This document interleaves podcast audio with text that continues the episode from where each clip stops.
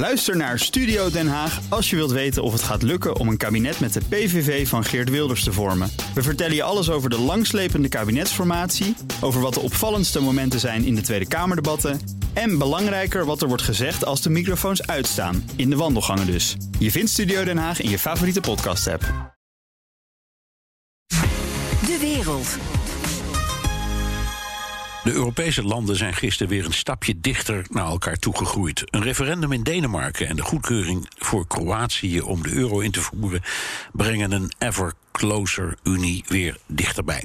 Ik praat erover met onze Europa-correspondent Stefan de Vries. Stefan, de Denen doen tot nu toe niet mee aan de Europese defensiesamenwerking. Die hebben een zogenaamde opt-out, zoals dat heet. Maar de oorlog in Oekraïne heeft alles veranderd. Daarom is er gisteren woensdag een referendum in Denemarken geweest. En de uitslag, Stefan, ja, nou verrassend. 67% van de Denen heeft voor uh, de samenwerking gestemd. 33% slechts tegen. Dus een grote meerderheid voor het, uh, ja, wat de Denen noemen het defensievoorbehoud. Dus die uitzonderingen die de Denen hadden.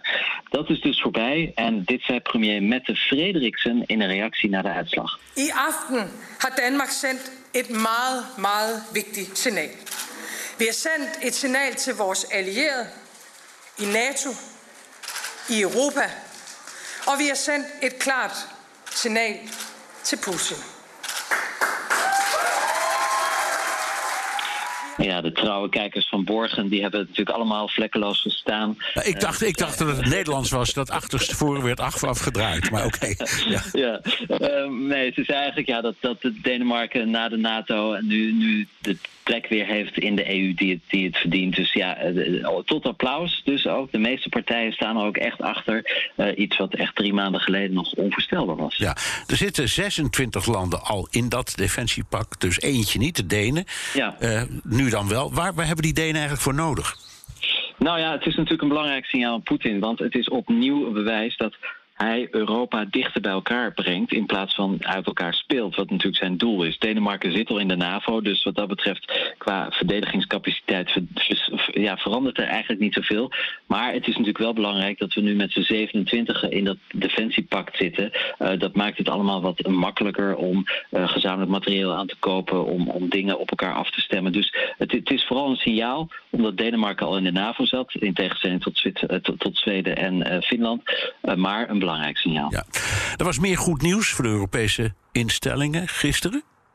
Ja, zeker. Kroatië mag eindelijk bij de euro. Uh, in 2013 kwam het land bij de Europese Unie. En precies tien jaar later uh, kunnen ze dus ook de euro gaan gebruiken. En dit, werd, dit was hoe het gisteren werd aangekondigd. We welcome then Croatia into the Union in 2013. And today we have concluded that Croatia is ready to adopt our single currency on January the 1st, 2023. Ja, dat zijn dus echt grote stappen op weg naar ja, meer integratie. Ja. Zijn we nu dichter bij alle mensen werden broeder? Nou, nog niet te vroeg juichen. We zagen natuurlijk eerder deze week als Hongarije dat de EU eigenlijk chanteerde met de Russische olieboycott. Uh, Polen, daar hebben we ook problemen mee. Uh, ook al krijgen die nu een deel van hun coronageld tot ergernis van bijvoorbeeld het Europees Parlement, omdat de Polen nog steeds de rechtsstaat niet respecteren. En dan is ook de eenheid, ja, daar beginnen toch scheurtjes in te komen. De eenheid van Europa ten opzichte van Rusland.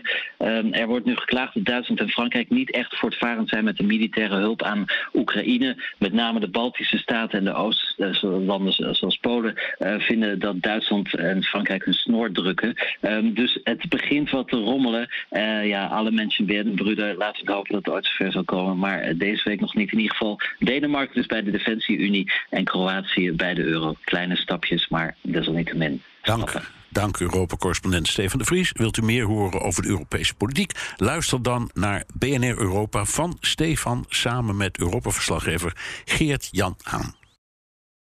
Ook Liesbeth Staats vind je in de BNR-app. Ja, heel handig. Luister live naar Kees en mij tijdens de Daily Move. Dan blijf je ook gelijk op de hoogte van breaking news en het laatste zakelijke nieuws. En daar vind je ook alle BNR-podcasts, waaronder de Perestrooikast. Download nu de gratis BNR-app en blijf scherp.